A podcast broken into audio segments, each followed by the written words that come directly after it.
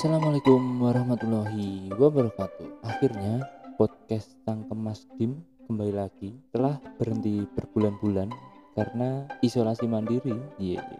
Tidak dong, itu hanya bercanda. Tidak mungkin saya isolasi mandiri tetapi masih jalan-jalan. Tidak ya, saya Alhamdulillah sampai saat ini masih negatif corona meskipun eh, tidak pernah melakukan swab, tidak pernah melakukan rapid test atau apalah itu. Insya Allah saya aman dari COVID-19. Oke, podcast kali ini aku meh ngomong hal-hal sing berbau tentang politik paham ya? Jadi politik iki mambu sing kaya tak omong ke mau. Jadi boh mambu wangi apa mambu bosok ngono ya? Tergantung wong wongane jadi nek menyikapi politik kui baik ya mesti mambune wangi. Nek menyikapi politik kui elek yo ini mesti mambune busuk mau ngono ya? Oke aku meh mulai soko iki. Jadi di tahun 2020 iki akan dilaksanakan pemilu kada atau pemilihan kepala daerah kabupaten ataupun provinsi ataupun uh, kota. Ya iki bakal diadak ke serentak nang Indonesia nek ra mundur meneh ya nang jadwal tanggal 9 Desember 2020 eling ya iki nek ra mundur meneh boh mengko nek corona meneh apa corona rong medun apa terus diundur meneh kuwi info selanjutnya lah. Jadi ono 270 pemilihan kepala daerah serentak yang bakal dianakke nang tahun 2020 iki. Jadi dari 270 iku ono 9 pemilihan gubernur, 224 pemilihan bupati, bar kuwi ono 37 pemilihan wali kota. Ya. Kebayang ya iki ono oke banget Indonesia sing ngadake pemilu. Jadi engko bakal oke banget sing money politik. Mungkin kalau musuhnya ada kalau musuhnya tidak kotak kosong. Oke. Okay?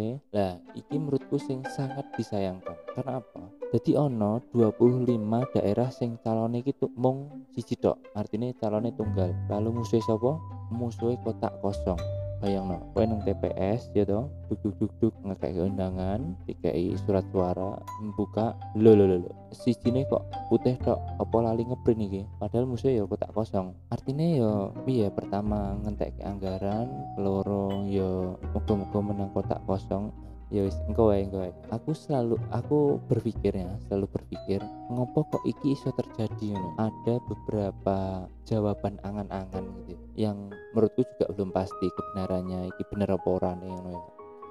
Oke sing ngomong nek iki kemunduran demokrasi Indonesia. Yo oke sing ngomong ngono tapi nek menurutku menurut menurut pribadiku dewe pendapat gue memang bener nek dilihat secara kasat mata. Artinya secara kasat mata ngopo kok? Calon siji.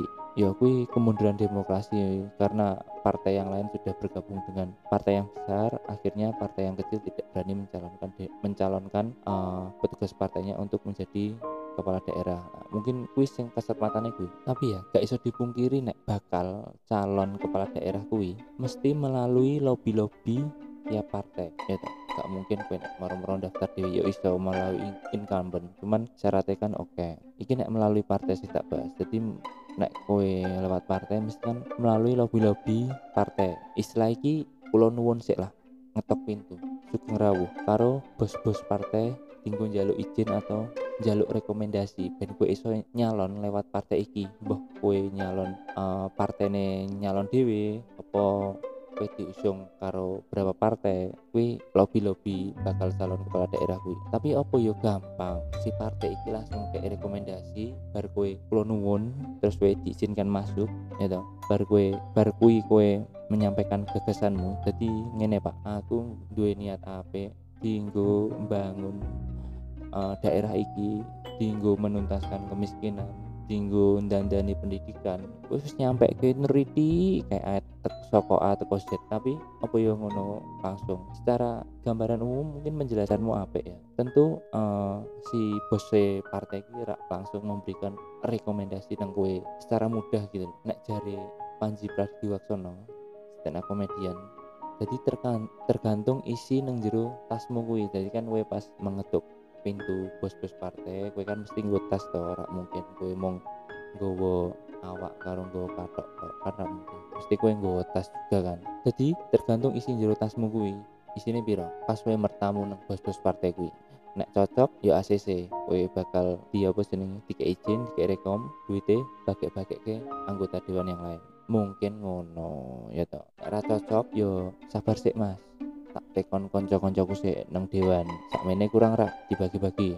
Nek kurang ya mesti bakal dikon mertamu meneh. Negosiasi lah istilah jadi kemungkinanku ya karena ada beberapa persyaratan yang harus dipenuhi ketika calon kepala daerah uh, akan mencalonkan diri melalui partai. Ada persyaratan uh, posisinya presiden threshold uh, harus 20% uh, dari anggota dewan di situ. Ya kalau nggak bisa 20% kamu harus uh, berkoalisi dan harus mencari teman koalisi dari partai lain anggota DPR lain. Uh, ketika kamu tidak mencukupi 20% itu ya mohon maaf kamu tidak bisa mencalonkan diri dari melalui jalur partai. Kamu harus melalui incumbent mungkin yang syaratnya rumit kalaupun dikejar juga bisa ya. Nah iki dari pembahasan sing kui mau. Menurutku uh, Indonesia durung siap tinggu melahirkan pemimpin yang benar-benar dia mempunyai etikat baik mempunyai uh, sebuah jiwa pemimpin yang bisa memimpin daerahnya. Tapi saat ini